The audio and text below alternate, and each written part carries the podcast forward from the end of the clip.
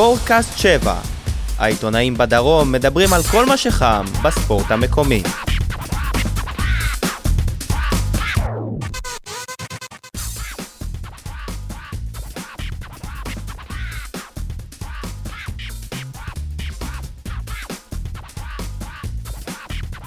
ברוכים הבאים לפרק החמישי של הספורטקאסט 7, הפודקאסט שמסקר בעיקר את הפועל באר שבע ובתקווה שיהיו גם דברים אה, נוספים מעניינים בספורט בעיר. היום אנחנו בסוג של פרק ספיישל כי לא תכננו להעלות את, ה... את הפרק הזה, תכננו לעשות פרק אחרי המשחק נגד אה, כפר סבא שיהיה ביום ראשון, אבל התוצאה באמת מיוחדת. הניצחון על אינטר גרם לנו להקליט אה, פרק בזק ביום שישי בצהריים. יגאל ברמן לא, לא יהיה איתנו היום.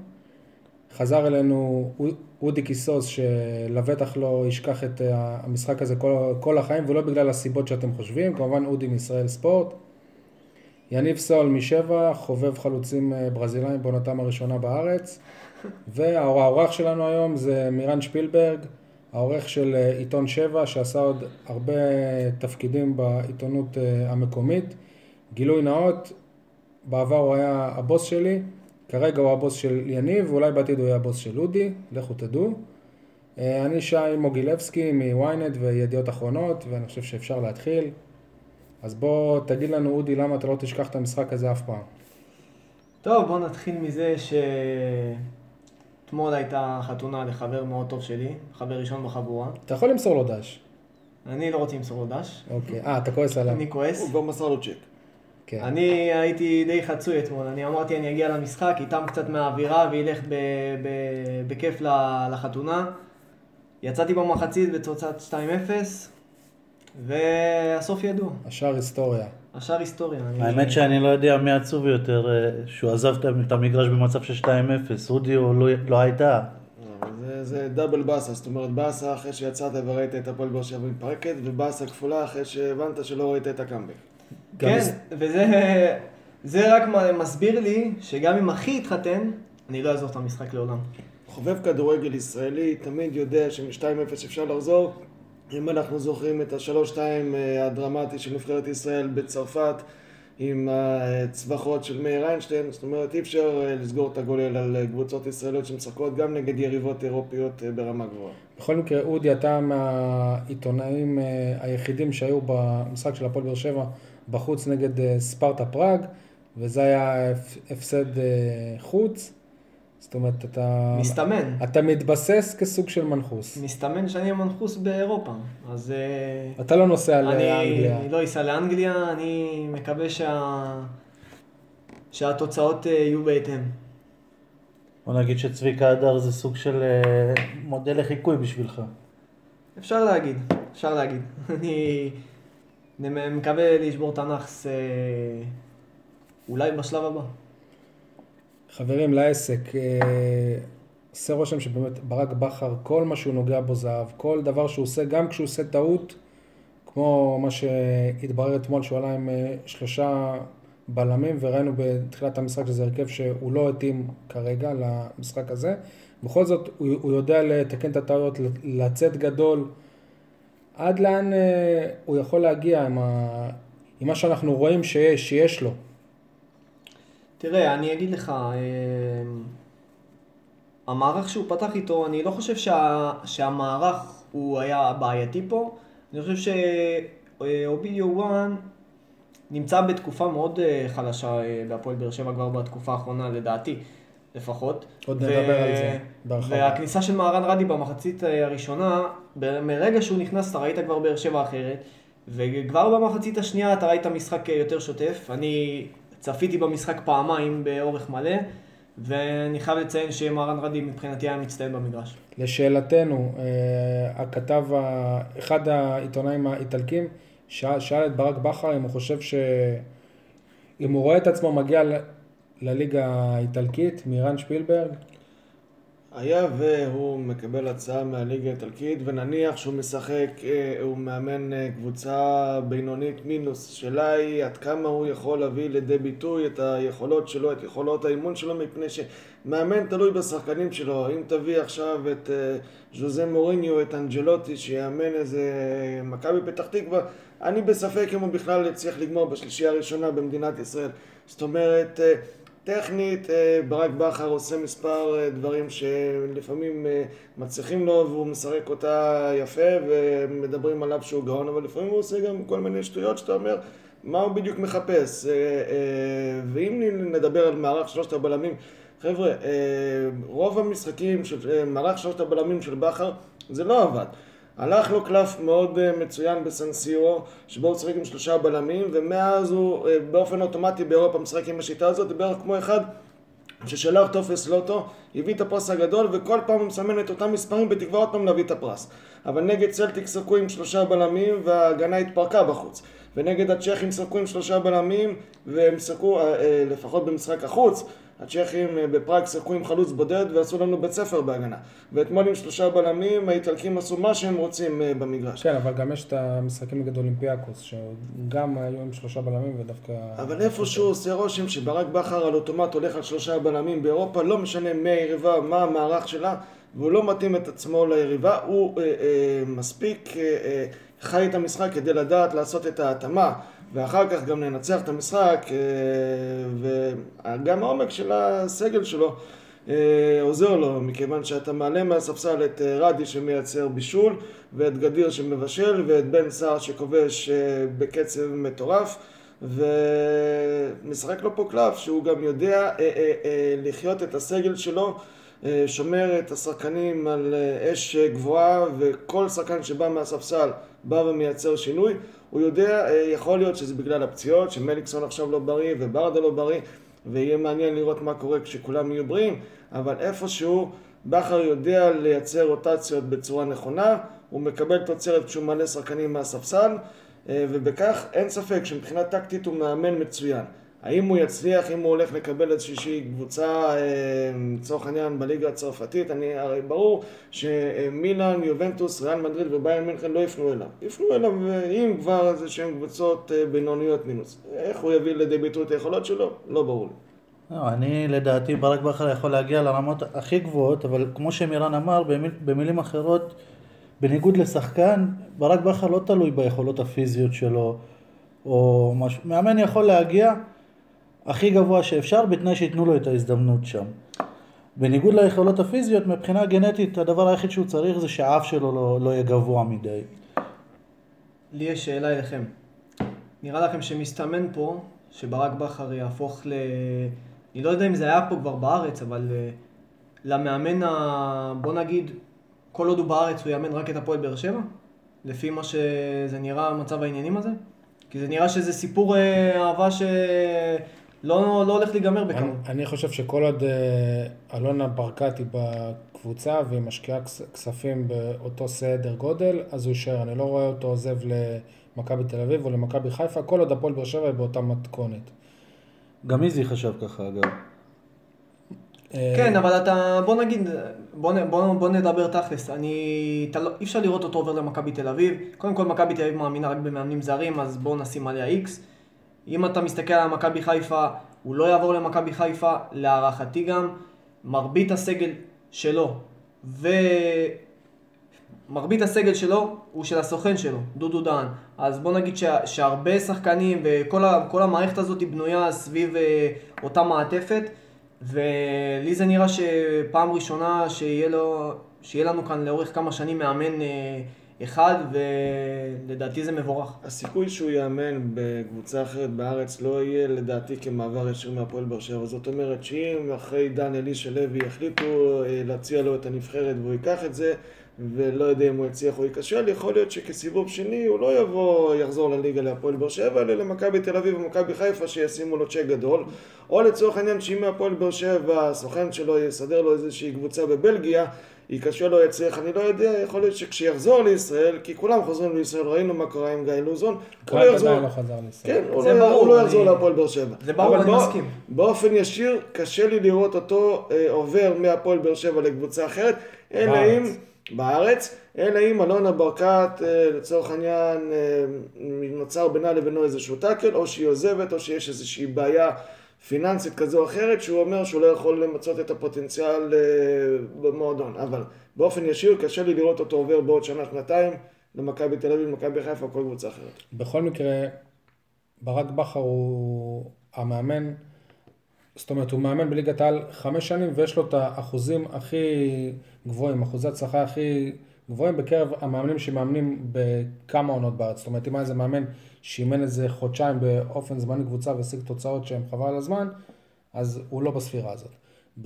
אני חושב שאם יש מאמן ישראלי ש... שמגיע לו לאמן באירופה, ואירופה, עם כל הכבוד, אני לא מתכוון לקפריסין, אלא לליגות שהן אה, בכירות יותר באירופה, זה ברק בכר. אם יש סוכן שיכול להוציא אותו לאירופה, בעיקר לבלגיה זה דודו דהן, כמו שהוא עשה עם אה, גיא לוזון. זאת אומרת, אם הוא עשה את זה עם גיא לוזון, אז לא, הוא לא יכול לעשות את זה עם ברק בכר. הוא יכול לעשות את זה, אבל מבחינתי בלגיה כבר לא, לא כזאת אירופה, עם שחקנים ישראלים פחות מצליחים בארץ, עוברים לבלגיה ומתייבשים שם על הספסל. בשורה התחתונה לדעתי, לא, אבל זה דווקא אומר שהליגה הבלגית היא כן קשה. אם, אם, אם, אה, אם שחקן כמו אופיר אה, זה לא אומר שהיא. זה לא אומר שהיא, אני לא אומר שהיא לא קשה, אני אומר שהיא לא כזאת אטרקטיבית, כי לא השחקנים הכי טובים בארץ עוברים אליה. יש שחקנים פחות טובים שעוברים אליה. בכל מקרה, מה שרציתי להגיד לגבי ברק בכר, הוא יכול להצליח בכל מקום שהסוכן שלו יביא אותו אליו. לגבי אה, מקומות יותר גבוהים מבלגיה, אני לא בטוח שזה דודו דהן, אבל אה, איך אלון מזרחי אומר, בקיצור, הוא יכול להצליח גם בבלגיה וגם בא- באירופה. בואו לא נשכח, אבל לפני שאנחנו אה, מכתירים אותו וקושרים אותו לקבוצות, למדינות אחרות, יש לו חוזה לעוד שנתיים, ואני מאוד מקווה בשביל הפועל באר שבע שהוא יישאר את, כל- את אה, מלוא החוזה שלו, ואם לא יותר. אני חושב שאם אם יש דבר ש... ש... שישאיר אותו כרגע פה, גם אם יהיו לו הצעות מאירופה, זה יהיה לו את האתגר להגיע לליגת האלופות. זאת אומרת, אם העונה הוא לא, הוא לא, הוא לא יזכה עם הפועל באר שבע באליפות, הטעם שלו להישאר, או הרצון שלו להישאר יהיה פחות אה, גבוה. זאת אומרת, אם יהיה, אם יהיה לו סיכוי להגיע לליגת האלופות, הוא ירצה להישאר כדי לסמן גם וי על העניין הזה. כן, מירן? כשמדברים על העתיד המקצועי של ברק בכר בהפועל באר שבע, יכול להיות שהעתיד שלו איכשהו כרוך במה שהולכים להחליט אה, בתקופה הקרובה, או לפחות אה, בקיץ הקרוב עם יניב ברדה. לברדה לא יודע עד כמה דלק נשאר לו בטנק, אבל אה, הוא דמות מאוד דומיננטית במועדון, ויש כאלה שמסמנים אותו בתור מי שעתיד לקבל תפקיד ניהולי מקצועי בהפועל באר שבע, וזה אחד שיש לו מה להגיד על דברים כאלה ואחרים. והשאלה היא, במידה ובלחץ של האוהדים, ולחץ של התקשורת, ולחץ של כל מי שזה לא יהיה, אלונה ברקת תיתן לניב ברדה תפקיד מקצועי כזה או אחר עם סמכויות, עד כמה בכר יאהב את זה. כל עוד אה, ברק בכר יהיה בקבוצה, אני לא חושב שהסמכויות שלו יהיו מעל, אה, שהסמכויות של אליניב יהיו מעל ברק בכר, אבל אה, אפשר לזכור גם את אסי רחמים שהתחיל כמאמן שוערים וכשהייתה הזדמנות הוא מונה למנכ"ל. אה, אני מסכים איתך בקטע שכל עוד ברק בכר במועדון, לא, לא תמונה שום סמכות מקצועית מע- מעליו, גם אם זה אלניב ברדה. זאת אומרת, יכול- יכול להיות שאלניב ברדה יהיה לו תפקיד של מנהל מקצועי, אבל בפועל הוא לא יהיה הבוס של אז אה, מה המשמעות ברק. של מנהל מקצועי? זה כבר תשאל את מי שימנה, אבל באמת אנחנו מת- מתעסקים פה באם ואם ואם. בואו אני- נעבור הלאה. רגע, רגע, אני אוהב שאתה אומר שאתה מסכים איתי, אבל מה זאת אומרת אם באר שבע תזכה באליפות? זאת אומרת שאני עדיין, אני לא, לא חושב שהפועל באר שבע זכתה באליפות, זה לא חדש, ולא נדבר על זה כל פרק, אני חושב. יש אוקיי. לי שאלה, אתה רוצה להסתבך עם אה, עמותת המיאמיק? כבר הסתבך, לא? נראה לי כבר הם לא מאמינים בדבר הזה שנקרא המה יעמיק.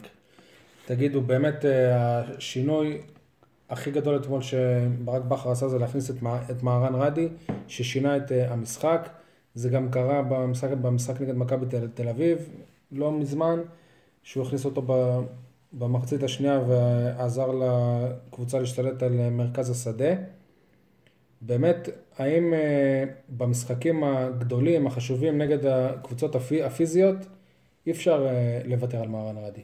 רדי זה השחקן שרץ הכי הרבה, יש לו ארבע אליפויות אה, רצופות, אבל אה, מצד שני יכול להיות שהוא דווקא אס מהספסל, כלומר שיש לו מה להוכיח כשהוא נכנס לשנות משחק. לדעתי אסור לוותר עליו אה, כל עוד הרצף שלו נמשך. כשרצף האליפויות יסתיים, אפשר יהיה לחשוב מה עושים לגביו. אתה יודע מה מדהים אותי אצל מהרן רדי? גם בגיל שלו, שהוא נכנס מהספסל, עולה בהרכב, זה לא משנה מה, אתה רואה עליו רעב. רעב לכבוש, רעב... אתה, אתה יודע שהוא השחקן שמאיים הכי הרבה בהפועל באר שבע על השער? בכל משחק? סטטיסטית. כל פעם שהוא במגרש הוא מאיים הכי הרבה, וזה מדהים הרעב הזה שלו, אני באמת אה, אני מאוד אוהב לראות אותו.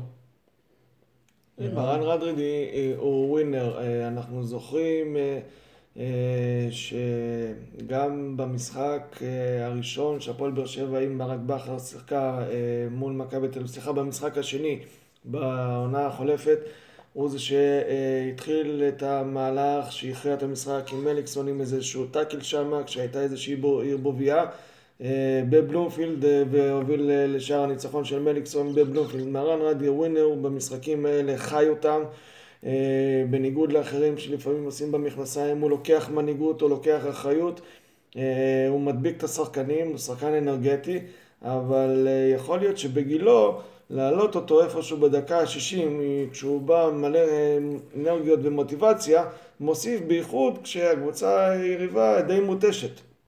בהקשר של רדי היה יפה דווקא לראות את לואי טאה ש... שהוחלף והעלה את התמונה אה, לפייסבוק וכתב חילוף מנצח.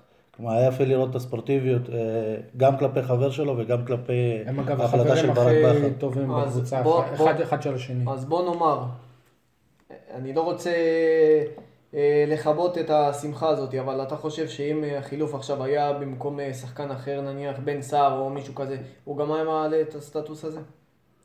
והיה רושם חילוף מנצח? עם תוצאה כזאת, כן. אני, אני לא חושב שיש שח, שח, שחקן, גם אלה שלא שיחקו, שלא מאושר באמת ב-100% מהתוצאה הזאת, כי באמת להיות חלק מזה, אפילו מלא לא על...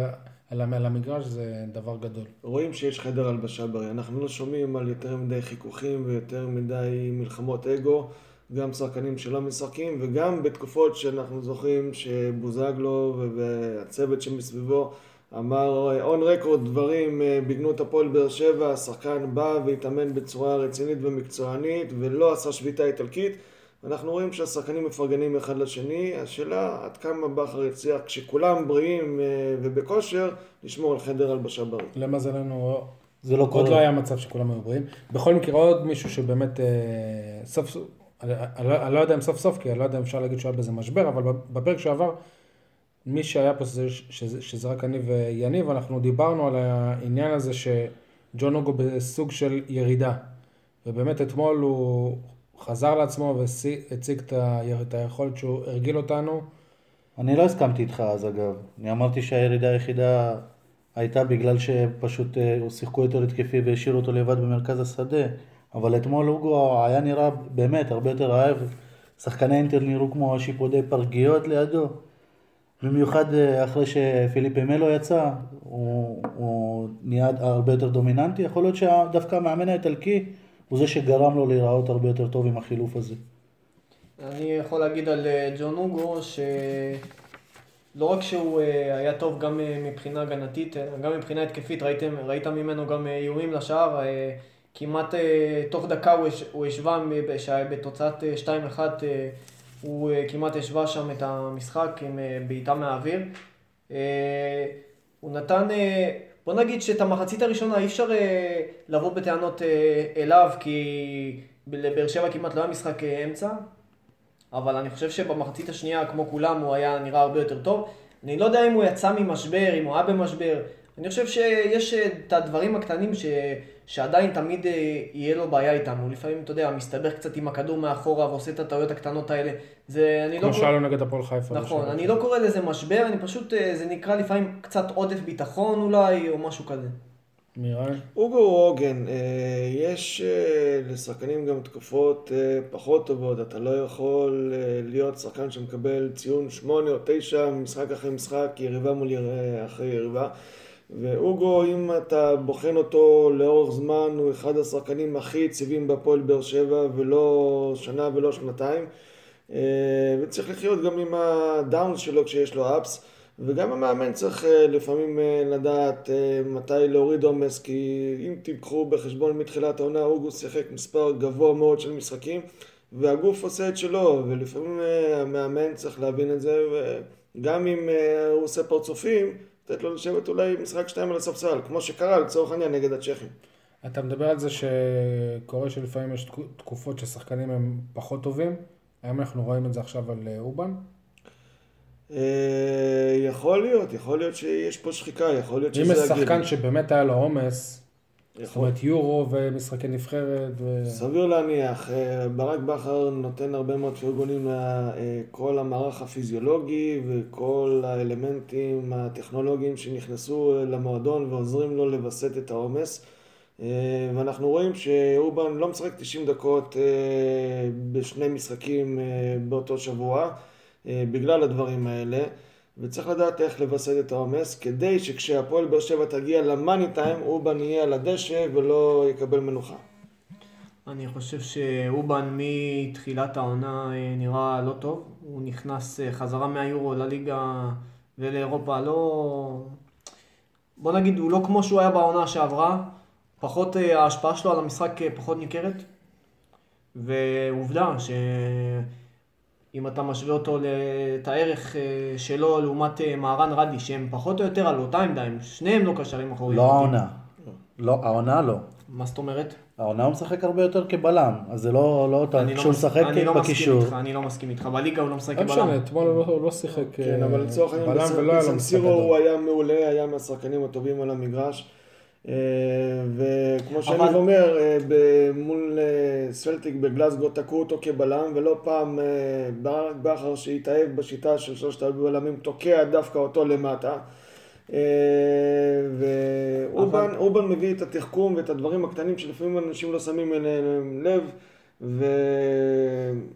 ואם רדי מביא את האנרגיות, הוא מביא את המוח, הוא מביא את התחכום, ולפעמים הברקה קטנה, דווקא בזמן שהקבוצה היריבה לוחצת עליך, אובן יכול לשנות משחק. גם ביכולת הזו, ש- שאתם אומרים שהיא פחות טובה מהעונה שעברה, הוא עדיין השחקן הכי טוב בארץ בעמדה שלו. שהיא? סוג של 50-50. אני לא... גם תוקף, גם עושה הגנה. אני לא... אני כרגע, כרגע, אני חושב ביכולת הזאת שכרגע אני לא רדי. הוא על הוא על התפקיד גם של 50-50 וכרגע, נכון לנקודת זמן הזאת, הוא יותר טוב מאובן. הוא מספק יותר מספרים. נכון לשני המשחקים האחרונים. את אובן לא סופרים לפי מספרים, את אובן סופרים, תיקח בחשבון כמה טאקלים הוא אה, אה, עושה, כמה פעמים הוא יודע לסגור אלכסונית נכון ברגע שיש מתפרצת, כמה פעמים הוא יודע לשחרר כדור לשחקן הנכון שנמצא פנוי במקום שלא חשבת שיקבל את הכדור. יש את הדברים האלה לאובן שאין אותם, לא לאוגו, לא לרדי, לא לשחקן אחר. ואפרופו אובן, הפועל באר שבע צריכה גם להחליט מתישהו אם היא רוצה לחדש לו את החוזה לעונה הבאה, כי השחקן הזה שמצד אחד מביא את הדברים המיוחדים במשחק, מצד שני, אתה לא יודע אם אתה יכול לבנות עליו כשאתה רץ בשתי זירות. הוא שחקן זר, אם הוא שחקן ישראלי, ההתלבטות הייתה הרבה יותר פשוטה, אני חושב. יכול להיות שה... שעדיין הוא לא התאושש ממה שקרה? אה, יכול להיות, אבל... אה, אתה מדבר על בנצי. נכון. אה, יכול להיות. אה, קשה לי להאמין כשאתה עולה כן. למגרש מול אינטר, אתה, חושב על דברים אחרים חוץ מאינטר. כן. חברים, אה, אתמול שוב לוסיו כבש, וקיבלנו איזה מסר מאחד המאזינים היותר מפרגנים שלנו. הוא, הוא, הוא אמר אם גם פעם הכדור פגע בלוסיו, כרמז ליניב סול, חובב לוסיו. אז כן, יניב, אתמול ראי- ראי- ראינו שער של חלוץ גדול, תפרגן. חובב חלוץ- הברזילאים. חלוץ גדול, אבל אה, כשאתה אומר אה, גם הפעם הוא כבש, מת- מתי הוא כבש פעם אחרונה לפני זה? בקיצור, הוא בשבת כבש שער שנפסל נגד הפועל חיפה, שבת שעבר. שם הכדור פגע בו אגב. אוקיי. אבל כבש. בקיצור, מה שאני לא אומר, יודע, משום מה אני כשהייתי משחק בשכונה, הנטייה של הכ- של הכדורים הייתה לא לא לפגוע בי, אלא אם זה שערים עצמיים. אסי רחמים פעם אמר שבפעם הראשונה ששמו אותו לעמוד בשער, הכדורים פגעו בי והפכתי לשוער. אצל לוסיו זה הפוך, הוא בחר אגב, את זה הצד כמעט השני. קרה אתמול לשוער השני של אינטר. אוקיי. לגבי לוסיו, גם, גם שעון מקולקל מדייק פעמיים ביום. אני אשמח לאכול את הכובע אם בסוף העונה הוא יהיה מלך השערים של הקבוצה. אה, בינתיים הוא זר טוב, אבל איך, איך אומרים, זר טוב זה לא זר מצוין. תשמע, כבר, כבר יש לו שיש, שישה שערים בכל uh, המסגרות, שבעה אפילו אני חושב. כמה, כמה שערים הוא uh, צריך לכבוש כדי שתגיד סבבה, היה שווה להביא אותו. אחד יותר מבן סער. הלכת קצת uh, רחוק, אני חושב. בן סער כי ישראלי. בן סער כרגע הוא בקצב של, מ- של מלך השערים. נכון, בן סער הוא ישראלי, ואם יש לך ישראלי שנותן לך את התפוקה הזאת, והוא אפילו לא מתקרב לבן סער אגב, מבחינת הדקות בליגה, מבחינת השערים, אם, אם בן סער עוקף אותו, אז כנראה שאין לנו ערך מוסף. אז בוא תיתן לי להגיד לך משהו. חלוץ. צריך לדעת איפה לעמוד, בשורה התחתונה. הוא יודע איפה לעמוד, הוא נותן את השערים שלו, זה הכל. השאלה שלי היא כזאת, אם בן סער פותח במשחק, יכול להיות שהיינו מדברים על זה שבאר שבע מביסה את אינטר ולא חוזרת מול אינטר? אני לא בטוח, אבל אולי בסיטואציות מסוימות של המשחק, בכר רוצה את המהירות שלו ושל גדיר בשלב יותר מאוחר. עובדה שבעשרה שחקנים המהירות שלהם הכריעה את המשחק גם. לוסיו טוב למאבקים אה, פיזיים עם אה, בלמים מאוד גבוהים. הוא יודע איפה לעמוד, ראית את המיקום שלו בגול. אני חושב ש...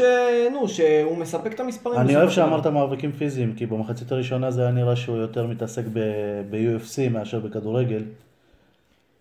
אני לא יודע, אני חושב ש... לוסיו, אה, בגלל המפנה הפיזיולוגי והעובדה שהוא נראה כמו באדי בילדר, עושה רושם שהוא מגושם אה, וגמלוני, אבל אה, אם ניקח שתי דוגמאות לצורך העניין, משחק בחוץ מול סלטיק, שבו הוא אה, קיבל כדור ועשה איזשהו דריבל יפה והצליח אה, לשים שער אה, שמראה על טכניקה טובה. ונחזור למשחק הקודם מול אינטר בסנסירו, כשהוא פרץ באגף ימין, העביר כדור רוחב ובישל את השער בסופו של דבר הראשון של הפועל באר שבע. אז הוא קצת יותר משחקן שפוגעים בו הכדורים ונכנסים לרשת. אה, חוץ מזה שלהפועל באר שבע בסגל שלה צריכה גם איזשהו חלוץ שהוא יודע לשחק עם הגב לשער, שמביא את האלמנט הפיזי, אין את זה לגדיר. אין את זה לבן סער, הם יותר דרבליסטים, משחקים עם הפנים לשער, היו צריכים להביא איזשהו חלוץ שיודע לשחק עם הגב לשער, מביא את האלמנט הזה, והוא נותן את המימד הזה.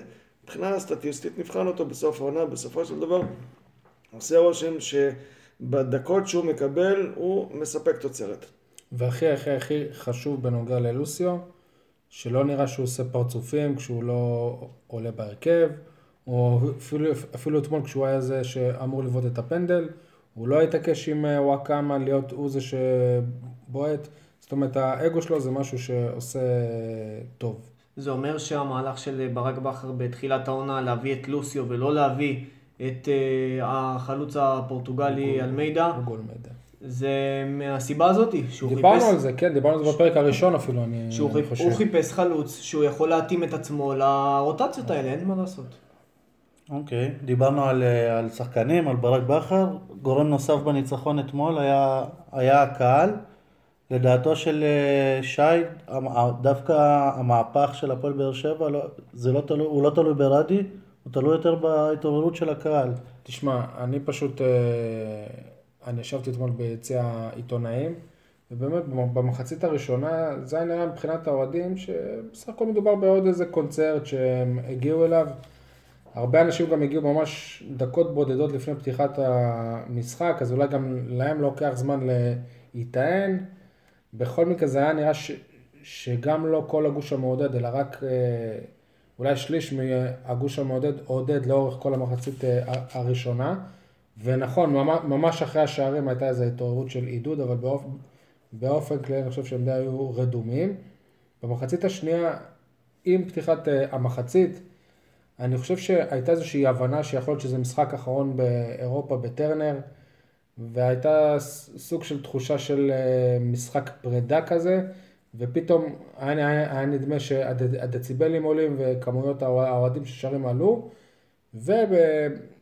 ובמקביל גם אה, הקבוצה התחילה להיכנס לעניינים. אני, אני, אני חושב שהאוה- שהאוהדים הפעם הם אלה שעזרו לה ולא הפוך. אה, זהו, שאפו להם. אני חושב שזה התחיל דווקא מה... עוד פעם, אני כבר ציינתי את זה, אבל האוהדים של באר שבע, הרבה פעמים אפשר לראות שהם מתעוררים כשה, כשהקבוצה מתחיל, נותנת להם סיבה להתעורר. הם התעוררו הפעם אחרי שהמאמן של, של האיטלקים הרדים את השחקנים שלו. הוא ספג שער משום מקום אחרי החילופים ההזויים שלו, ועד אז האוהדים של באר שבע כל המחצית הראשונה היו בכוננות ספיגה. בדקה 25 הם כבר היו צריכים להחליף טיטול. אה, אגב, אה, האוהדים של באר שבע, איפה המנואלה של, של, שתרמו כסף בשביל לחנוך אותם מול אינטר? עקיצה ב-100 אלף שקל? יאמר לזכותם שהם אה, לא קיבלו בזמן את אישורי האבטחה, והכל היה פשוט... כל מה שקרה זה עניינים לוגיסטיים. אני לא מסכים איתך, אבל כי כשהם פרסמו את העניין של ההתרמה, שהם זקוקים ל-100 אלף שקל כדי לעשות את המנואלה, הם גם רשמו, וכבר יש את כל האישורים, הכל, ורק... ובדקנו שאפשר יהיה להתקין והכל, ורק חסר הכסף. זאת אומרת, רק הכסף זה מה שמונע את זה שיהיה מנואלה. אני פשוט חושב שהם הם אתגרו את אה, עצמם בזה שכנראה המנואלה תהיה, תהיה מוכנה לאינטר. כי אני דיברתי כבר לפני שלושה שבועות עם אה, כמה אנשים שהם אה, מביני עניין בתחום, ואמרו לי שאין סיכוי שזה יהיה. אני כבר שומע, אמנם לא בצורה רשמית, אבל מאנשי ארגון האוהדים, ש... שמה... שמהנדס העיר מערים יותר מדי קשיים וכאלה, אבל בכל מקרה מוערמים קשיים זה כדי לשמור על בריאות אותם האוהדים שביציע הדרומי וכל אה, עקבה לטובה. תסכים איתי שמאה אלף שקל בשביל משחק מול מכבי חיפה הקטנה זה, זה כבר... אה, לא, אבל המנואלה לא תהיה משהו שהוא חד פעמי. לחנוך את זה. אז לחנוך את זה, אז, אז אה, אני מאמין... לחנוך את זה מול, אז אולי בשלב הבא. מול אשקלון. לא, אולי, אולי אם הפועל באר שבע תעלה שלב. אוקיי. מה אתה חושב לגבי, מה אתם חושבים לגבי התפאורות שהקהל מעמיד? מתוחכמות מדי? אני, זהו, אני... אתמול אני ראיתי את הדיוקנים שהם עשו, דיוקנים, דיוקנאות, איך אומרים? דיוקנים. דיוקנים. ואת הכיתוב למטה, ונכנסתי לגוגל, והרי בטרנר יש בעיה של, אינ... של אינטרנט, אפילו לנו שיש את הקוד השמור של הווי-פיי. לקח לנו הרבה זמן להתחבר ולגלות בדיוק שהמשפט הזה הוא מהסופרנוס, והדמות שם זה טוני סופרנו. אני, אני קיבלתי עוד, הודעות מהמערכת שלי שאני אוודא שבאמת הדמות שם זה בנצי בלומפלד, זיכרונו לברכה. זאת אומרת, לאף אחד, זאת אומרת, לרוב האנשים לא היה באמת מושג מי הדמויות האלה ומה הכיתוב הזה. אני חושב שלפעמים זה קצת להתחכם מדי. זאת אומרת, צריך לעשות תפאורות שלא רק החבר'ה של האולטרס יבינו מיד על מה מדובר. זאת אומרת, נגיד כשהיה את אה, ג'ון לנון ואת הכיתוב מהשיר Imagine, זה באמת היה מדהים וזה היה שיחוק. אני חושב שהם לקחו את זה צעד קצת אה, יותר מדי קדימה. זה הפך לסוג של כמו הומור פנימי שרק הם אה, מבינים, אז גם אנחנו רוצים להבין. מירן, אתה מסכים עם זה? יש אה, אה, מידה מסוימת של תחכום שנדרשת, הרי אה, הם רוצים לעשות משהו שהוא לא בנאלי אה, ויכול להיות שלפעמים הם אה, אה, הולכים אה, רחוק מדי עם הדברים הללו, אבל בגדול הראש היצירתי וזה מה שעושה את הקהל של הפועל באר שבע לכל כך מיוחד, אז יכול להיות שנקודתית פה לא כל כך הבינו אותם אבל שימשיכו עם הראש היצירתי הזה, כי שוב, אין קהלים כאלה בארץ. לא, גם לדעתי, התפאורה מזכירה לי כמו מהלך לפעמים של אה, מאור מליקסון, שמרוב שזה גאוני, החלוץ לא, לא הבין אותו ולא רץ לכיוון שהוא חשב שהוא ירוץ, אבל, אה, וצריך הסבר לפני, אבל זה לא מוריד מהאיכות וזה עדיין גאוני. שימשיכו ככה. אה, טוב, בואו נעבור הלאה. בפעם הקודמת שהפועל באר שבע ניצחה את אינטר, היא חוותה כמה, כמה ימים אחרי הפסד למכבי חיפה, לקבוצה ירוקה, כן, זה הפסד הליגה היחיד שלה עד עכשיו. ביום ראשון היא פוגשת שוב קבוצה ירוקה, אמנם בסדר גודל אחר, הפועל כפר סבא, אמנם באיצטדיון אחר, לויטה ולא סמי עופר. אותו סדר גודל. אוקיי, אני, אני, אני, אני גם אמרתי את זה לפני אשקלון, אבל לבוא אחרי התעלות כזאת ופתאום להגיע לאיצטדיון שבאמת שהוא לא מתאים לליגת העל, עם קבוצה שהיא אפורה על, ואלמונית, אני, אני חושב שזה תמיד מוקש ותמיד קשה, כן אודי? אני רוצה להגיד שמה, שזה אחד המשחקים מבחינה, מבחינת, אה, איך אני אקרא לזה? מנטלית. מבחינה מנטלית בדיוק, הכי קשים שיהיה להפועל באר שבע העונה, לדעתי. גם אם היא תנצח 5-0, אני חושב שההכנה לזה כנראה הייתה טובה. אני עדיין אה, לא אומר שיהיה פה חמישייה רביעייה, אני, אני עדיין ב- במחשבה שלי הולך להיות משחק קשה, כי לבוא מהניצחון הגדול הזה, ש... שאתה מנצח ואתה רגע מעלייה לשלב הבא, פתאום אתה נוחת חזרה למפגש מול הפועל כפר סבא, ועוד באיצטדיון כזה, ואתה בא עם כל אה, האף למעלה מבחינת התוצאות שלך האחרונות בליגה, גם החמישיות האלה יש ממך ציפיות גבוהות. אה, אני חושב שהמשימה של אה, בכר ושל אה, איתן עזריה תהיה לא פשוטה בכלל להוריד אותם. יניב? ל- לדעתי לא אמורה להיות בעיה, כאילו הקושי היחיד של בכר זה, זה לחשוב מי יהיה בהרכב להבקיע את החמישייה הבאה. אה, הדבר הכי חשוב מבחינתנו זה צריך לזכור שאם שואלים את שחקני הפועל באר שבע לתת יותר משניים שלושה שמות שחקנים שמשחקים בכפר סבא, הם, הם לא יודעים את זה. בסדר, אבל בוא לא גם נשכח... אנחנו, אני חושב, אגב. בוא, בוא לא נשכח שגם עשית 0-0 עם הפועל תל אביב, שהיא לא נראית מי יודע מה, אז אה, בוא, בוא לא נרים את האף יותר מדי. הפועל תל אביב זה גם היה אחרי משחק באירופה. אכן אה, ניצחון ביתי על סלטיק שלא הספיק אה, לליגת אלופות, אבל ברק בכר אוהב להתחכם ולשנות מערכים, לשחק עם שלושה בלמים, אז בואו שפעם אחת יתחכם וישחק עם שני חלוצים, כי יש לו את בן סער שלא פתח בהרכב ובכושר מצוין, ואת מוחמד גדיר שהוא רעב והוא כובש והוא מבשל, ופעם אחת יפתח עם שני חלוצים בחוד, ישחק יותר התקפי, ואולי יכריע את המשחק הזה כבר במחצית הראשונה, ויש לו את הכלים גם אם הוא הולך לעלות עם כמה מחליפים, ש... אה, לא משנה אם זה יהיה חיימוב או מתן אוחיון שקיבל אה, חוזה לעוד שנתיים, בואו נראה שיצדיק גם את החוזה הזה. ועוד כמה שחקנים שאפשר לזרוק אותם אה, להרכב, כמו מיכאל אוחנה שלא שיחק מול אינטר. אפשר לייצר את הרוטציה, לזרוק פנימה להרכב שחקנים שהם רעבים, שיעשו אה, את העבודה אה, גם אם נותנים מנוחה לשחקנים אחרים. אפשר לעבור את המשחק הזה. ולעבור, נכון, עשוי להיות מוקש, אבל אם אתה בא בגישה הנכונה עם השחקנים הרעבים שנמצאים בכושר המשחק, אתה עובר את המוקש הזה. אתם חושבים שהעובדה ששרון מימר מאמן את אה, הפועל כפר סבא תהיה לזה משמעות, אולי אה, קצת אה, פסיכולוגית או קצת יותר קשה, אולי הוא מכיר את בכר יותר, מכיר את השחקנים יותר, יהיה לזה איזושהי משמעות? דיברנו על זה לפני, לא בפורום הזה, כי לא היה, לא היה את הפורום הזה, אבל דובר על זה לפני שנה, כששרון מימר בחודש ינואר עזב באופן פתאומי את הפועל באר שבע והפך להיות המאמן של הפועל כפר סבא, אחרי שהוא היה עוזר של ברק בכר, וכולם אמרו, וואו, הוא עוזר מאוד אה, דומיננטי, ומה יהיה, ומי ייכנס לנעליים שלו, הוא, אחראי על ה- למצבים הנייחים, הוא אחראי על ההגנה, פה ושם, זה. לא ראינו שום הבדל אחרי שהוא עזב, ומונה גם אה, אסף נימני כדי להחליף אותו, ואסף נימני בסיום העונה עזב, ואמיר בוק... נוסבאום. אמיר נוסבאום, כן, אני כל פעם מתבלבל בין עומר נוסבאום. עומר בוקסמבאום. אמיר נוסבאום מונה עכשיו, ל... עכשיו בקיץ לעוזר מאמן. אני לא חושב ש... שזה משנה באמת מי, מי עוזר המאמן של הפועל באר שבע, כל עוד המאמן הוא ברק בכר. ולכן גם היתרונות, אם היו, יהיו של שרון מימר על פני מאמן אחר שפוגש את ברק בכר, הם לא רלוונטיים כי כל המאמנים בליגה יודעים בדיוק שהפועל באר שבע מסוגלת לעלות בכמה מערכים, וברק בכר מסוגל לשנות, לשנות מערכים תוך כדי משחק, וקשה מאוד להתכונן לזה, זה לא שלשרון מימר יש איזה מדליף באימונים. שיספר לו בדיוק מה ברק בכר הולך לעשות. אני מקווה שאין לו איזה, איזה מדליף כזה. בכל מקרה זה, זה, זה, לא, זה לא רלוונטי לדעתי, כמו ש, שלא רלוונטי מי העוזר של ברק בכר. ברור, אבל אני מזכיר לך שגם בעונה שעברה התקשינו מאוד שם, נכנסנו לפיגור גם. זה... אז uh, אני עדיין בדעה שלי שלא יהיה אני משחק. מאמין, ש...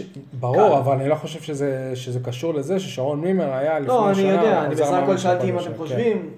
בגלל שהפועל באר שבע זה לא one man show, זה לא סטייל ערן זהבי שכובש, מבשל ועושה הכל, אז לא משנה כמה התכונן, התכוננו בהפועל כפר סבא ולצורך העניין מימר יודע איך קו המחשבה של ברק בכר לך תתכונן לשחקן כמו וואקמה שבהברקה אחת יכול לגמור משחק, או למיכאל אוחנה, או מול הפועל באר שבע, זה לא משנה על מה תעבוד ואיך תתכונן, את המכה שלך אתה יכול לקבל ממקום שלא ציפית.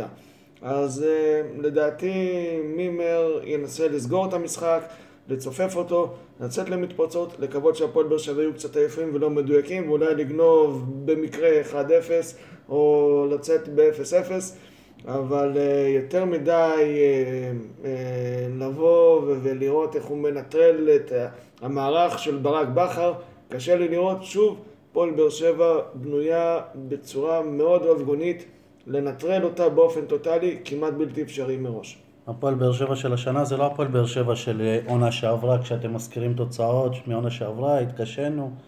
נכון, גם ריאל מדריד לא מנצחת כל משחק, אבל עדיין אה, זה משחק שאמורים אה, לנצח אותו. ואמר לי אוהד מכבי תל אביב לא מזמן, מה שיפה בהפועל באר שבע של השנה, זה שאתה לא יודע ממי אתה הולך לקבל את זה, אבל אתה יודע שתקבל את זה.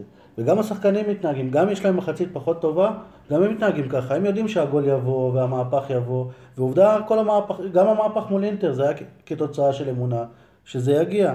לגבי עוזר המאמן, מימר היה דומיננטי, אבל אחריו נכנס למשבצת הזאת דווקא גיא ויזינגר. ולדעתי המאמן, עוזר המאמן הדומיננטי בפועל זה, זה דווקא מאמן השוערים הצעיר. בוא נזכיר לך, שאתה אומר, בעונה שעברה זה לא אותה עונה הזאתי, אני בחצי גיחוך אגיד לך שאתה עדיין לא ניצחת את מכבי חיפה, גם בעונה שעברה, גם בעונה הזאתי, אז... אה, עוד לא נגמר סיבוב גם, חבר'ה, אפשר... אה, אז אה, בוא נגיד שעדיין יש מחסומים שעוד לא הצלחנו לעבור אותם. בכל מקרה, כמו המחסום של שי, להיות אופטימי. כן, זה מחסום בעייתי, אני צריך כמה וכמה שיחות עם איתן עזריה כדי לעבוד על העניין הזה, וקטעת לי את חוט המחשבה, אני לא יודע מה התחלתי להגיד. לגבי עוזר המאמן הנוכחי, הקודם ולפניו. ויזינגר. לא, אני, אני לא זוכר. טוב, כן, מה, אז אה, אם שכחת, אז בוא נמשיך הלאה. נסכם את, ה... את התוכנית במשפט. קודם כל, שנייה, בוא נדבר על ההימורים שהיו לנו בתוכנית שעברה, מה שקרה איתם, הימורים של דקה לפני המשחק. בוא נגיד שאף אחד לא ציפה שיהיה מהפך, אבל אה, אף אחד גם לא נתן לאינטר ניצחון. רק שניכם הייתם פה בהימורים, אני לא יודע. אני אמרתי שיהיה 1-1, אתה מה, מה אמרת? אמרתי 1-1 ויגאל אמר 2-0 לבאר שבע. ונווה סגל שהיה פה? 2-1 לבאר שבע. סבבה, אז אף אחד לא, צ... לא צדק. אני חייב לציין רק שממש דקה לפני שהתחיל המש... המשחק, אני ו... ויניב סגרנו על עוד אה, התערבות. אני אמרתי שהפועל באר שבע תפסיד 3-0. אתה אמרת מה? אמרתי אה, תיקו, אמרתי 1-1, ובמצב של 2-0 ל- לאינטר, שי חייך אליי ואני אמרתי לו, אני עדיין חושב ש... כשאינטר ישבה ותקווה, אמרתי לו, אני עדיין חושב שיהיה תיקו. איך אתה חושב שכאילו, ש... אה, עכשיו המאזינים הם, אה, הם יחשבו ששי ממש חיכ... חיכה לשלישי כדי לקחת לך פיצה, נכון? לא, זה קל, זה ככה אתה... ההימורים הפכו להיות קלים, אותי. פשוט מה ששי מהמר, תמיד תלכו הפוך ותפגעו. אוקיי, אבל לא, לא, לא אימצת את זה לעצמך. הנה, יאללה, אני תוצאה לכפר סבא? אני, אני לכפר סבא? אני אתפרע, אני אומר שהפועל באר שבע תנצח 2-0.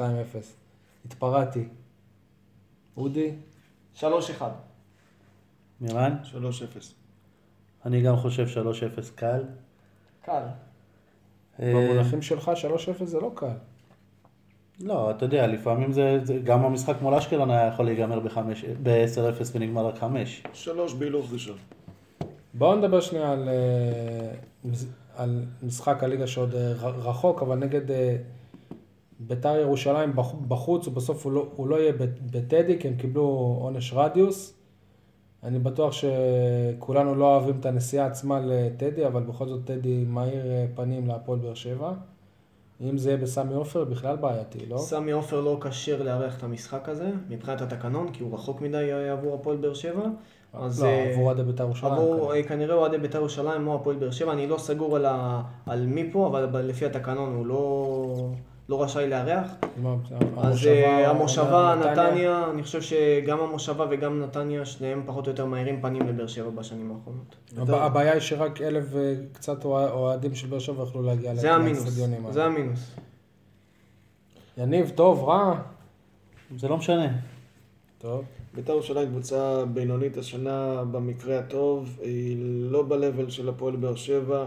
אם הפועל באר שבע מגיעה ב mindset הנכון ועם אה, שחקנים, אה, שחקני הבכירים, זה, זה פשוט mismatch, אה, ולא משנה באיזה אצטדיון זה יהיה. אוקיי. טוב. בוא, בוא נסכם במשפט את השבוע שעבר עליכם מבחינת הפועל באר שבע? מבחינה ספורטיבית? לא יודע, אני מה שחשוב לי להגיד שאפשר להאזין לנו ב SoundCloud, ואני מקווה מאוד שאתה בתור אחראי ה- הלוגיסטיקה, אני אאתגר אותך ותעשה שגם אפשר יהיה להאזין לנו בעוד כמה אפליקציות. כמובן שאתם אה, מוז- מוזמנים גם לעשות לייק בפ... בפייסבוק בעברית, ספורטקאסט 7, אה, וככה גם תוכלו להתעדכן כשעולים פרקים. אני מתאר לעצמי שהפרק הבא יהיה לקראת הסוף, הסוף שבוע הבא. שבוע הבא גם מצפה משחק אה, גביע טוטו נגד מכבי חיפה. בטוטו טרנר, משחק גומלין. אגב, באמת אחד המאזינים שלנו בתוכנית אמ- אמ- אמר לי שאם אנחנו זו- זוכרים, לפ- לפני שנה באותו שלב נגד בית"ר ירושלים, בגביע הטוטו גם, זה היה משחק שמנויים לא, שהוא לא היה במנוי, והיה בלאגן גדול בקופ, בקופות ובכניסות, ו, והנה אנחנו היום ביום אה, שישי, המ- המשחק ביום רביעי, עדיין לא התחילו למכור אה, את, את הכרטיסים, אני מאמין שהיום התחילו, אודי מסמן לנו שהיום. אגב, זה פעם... עדיין זה, זה, זה, מאוחר, זה מאוחר מדי, אני חושב. מאוחר. עכשיו אני, אני אחדד את זה, המכירה התחילה היום למנויים היום בלבד. זה יום שישי. למנויים בלבד, ורק ביום ראשון היא תצא לקהל הרחב. אגב, אותו משחק מול בית"ר ירושלים זו הייתה הפעם הראשונה שקבוצה יוצאת מנצחת אה, מאצטדיון טרנר. מאז עשו את זה גם אשדוד בגביע טוטו וספרטה פראג. ספרטה פראג. עשו את אני לא זה. מבין את הבעיה, זה לא שהאיצטדיון יהיה מלא מול מכבי חיפה. לא, אבל גם נגד אה, בית"ר ירושלים לפני שנה הוא לא היה מלא, אבל הבעיה שאנשים היו צריכים לאסוף את הכרטיסים מהקופות, והיו בעיות עם זה. אז שלא הגיעו רבע שעה לפני המשחק. מה עם אה, ברכות לקבוצה החלשה בבית, ספרטה פראג, כפי שככה חשבנו שהיא, שעלתה שלב? אם היה איזשהו גאון אה, בכדורגל האירופי שהיה אומר, אה, שהיה מעריך שהפועל באר שבע תנצח פעמיים את אינטר ותפסיד פעמיים לספרטה פראג, הוא היה מקבל פרס נובל איפשהו. זאת אומרת, אין, פרס נובל לספורט, אין, או להימורים. אין שום תסריט אה, הכי פסיכי בעולם שהיה יכול אה, לשקף את התוצאות של הבית הזה. הבית הזה הוא לא פרופורציונלי ביחס לרזומה של הקבוצות האלה, ביחס לתקציב שלהם.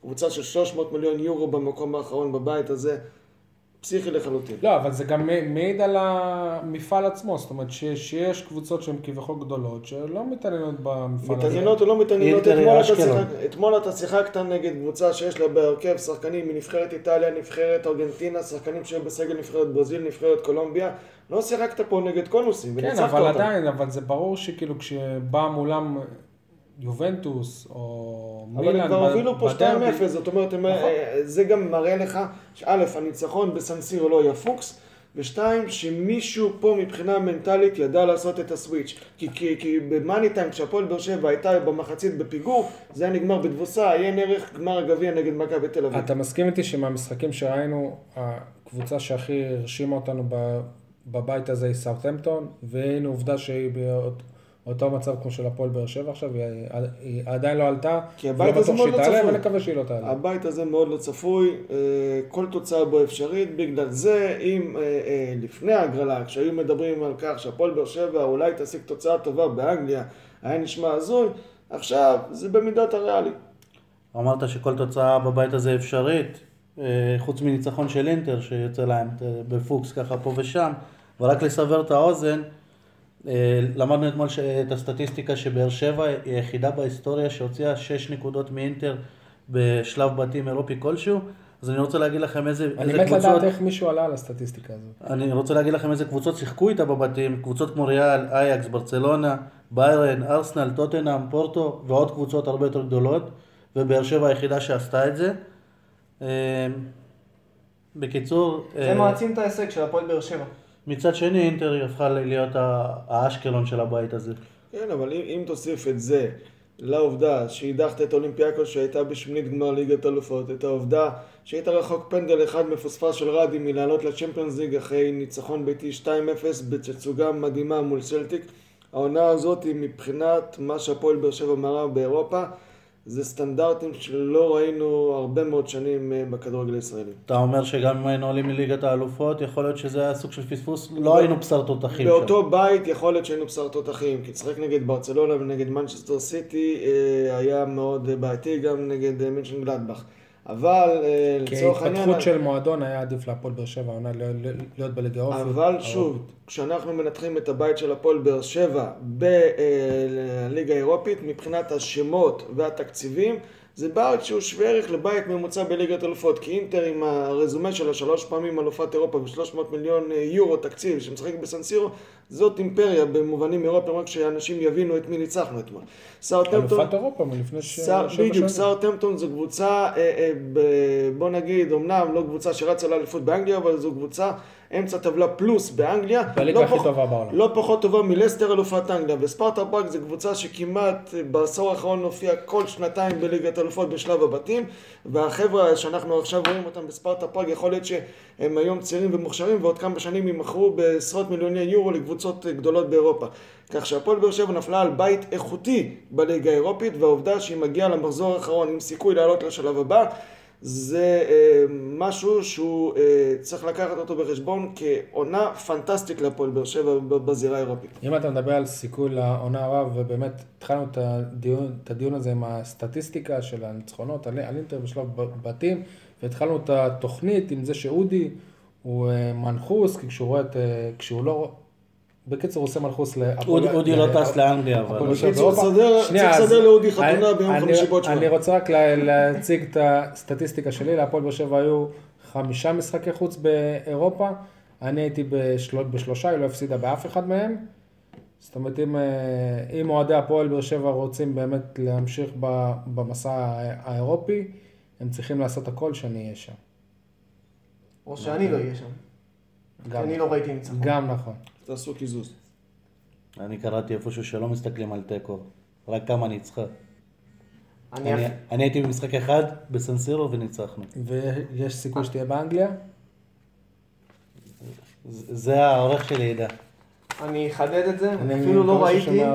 לא ראיתי שער אחד באירופה העונה. אז עדיף שגם לא תראה בטלוויזיה את המשחק נגד סאוטהמפטון. תפסיק לחתוך במחצית. טוב, חברים, היה מירן, אה, תסכם את החוויה, פעם אה, ראשונה שלך בפודקאסט, אחרי מיליון פעמים שהיית בתוכ... בתוכניות רדיו, ערכת תוכניות רדיו. מיליון היה- טיפה הגזמתי, כן. היה מעניין, היה נחמד, אה, היה קולח, ואני מקווה שגם המאזינים שלנו נהנו. חלקם יסכימו עם אה, הדברים שדיברנו, חלקם יגידו איזה שטויות הם מדברים, אבל זה מה שטוב. וחלקם יגידו שהם לא שמעו כלום, אבל הם ייתנו לנו הערות על דברים שאמרנו. אין שום בעיה, אה, כל עוד יש תגובות אה, זה בריא. אה, ותמשיכו במלאכה, אה, בתקווה שתמשיכו לנתח אה, ניצחונות נוספים. אוקיי. נתראה בפרק אה, הבא. שבת שלום. שבת שלום. ביי.